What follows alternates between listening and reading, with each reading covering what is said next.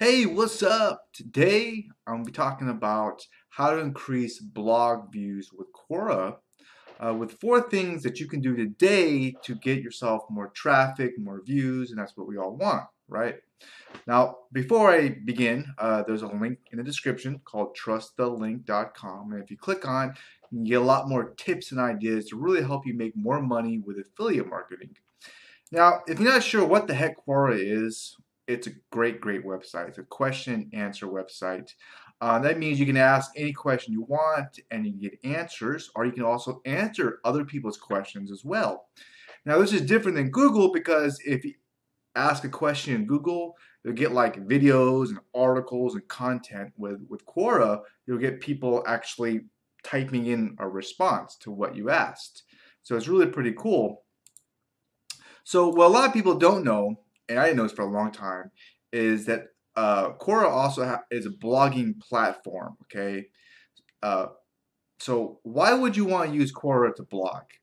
That's a great question, um, and that is exposure. Yes, if you don't already have like a massive following on your your WordPress blog, um, then by writing on Quora, you can get even more eyeballs to what you're writing about and more exposure, and that's what we want, which is traffic. It's the lifeblood of all businesses.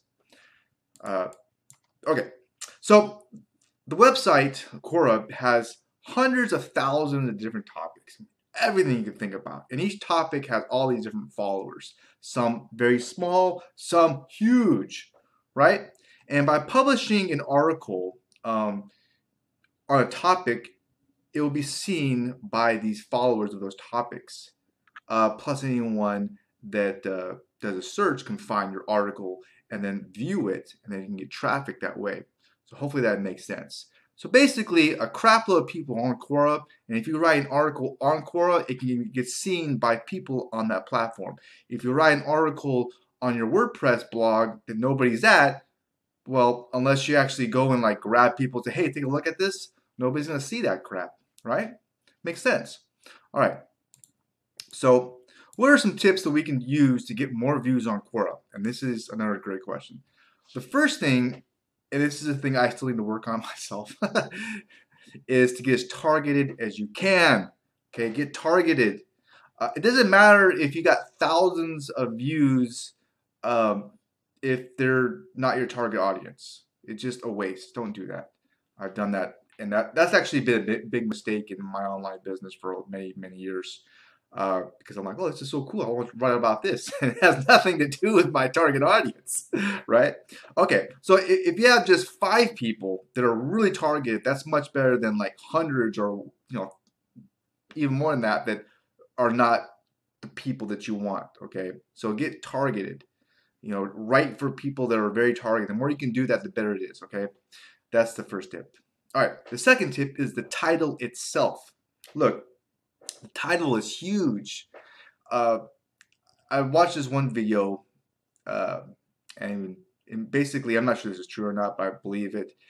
That he was saying something like uh, eight out of ten people read the title of like a like a copy sales page, squeeze page, and two out of ten will read the rest of the copy. It makes complete sense. The title is so big; it draws people in. That's the first thing they see. Make it big. And what I like to use is questions. For some damn reason, when people see questions, they it just draws people and feel like they, got to know the answer to it, or, or, or answer it, or respond, or whatever. It just draws people in. If you don't believe me, do like write a, ask a question on your Facebook post and see how many people go. Well, let me show you my opinion, and people will like it, comment. It gets a ton of engagement. It just does. I, I don't get it. It well, I kind of get it. So, in all my titles, I'm gonna put questions now. because it's just I, I, want people to get drawn in, right? So that's a tip. Just try it. See if it works for you. All right. Um, the next tip is another big one too. Is don't hide behind your damn computer. Okay. Um, and this means put a picture uh, with your face on it in your profile. People buy from people. Uh, you know, don't post as an anonymous person uh, with no image. It just comes off as shady as hell. And I'm like, I don't trust that. I mean, they, they can't stand behind their work. That means it sucks, right? That's what I'm thinking at least. you know, it's like lately I've been watching sales videos of stick figures going, we're going to show you digital marketing and to make this money. I'm thinking, who? The stick figure? Who's to tell, who's to show this to me? Who are you? You know, it's like, it just comes off as just shitty. Just something I'm thinking about, my little rant, okay? Yeah, just put your face it, it works, okay? I think it works. I think it does, okay? Uh, and the last tip for you, and this is a great, great idea, and I'm always trying to get better at this, is to repurpose your content. And what that means is this. You want to squeeze the crap out of your work. Leverage the shit out of your work. And that means this. If you write a 300 word article on who knows what, you know, I mean, make a video of it, make a podcast, put it on your blog, put it on LinkedIn, put it on Quora, use some of those in questions. I mean, put that, just leverage the sheesh out of it and get as many eyeballs as you can. And I'm going to include this just for the heck of it because I want to give you a lot of value.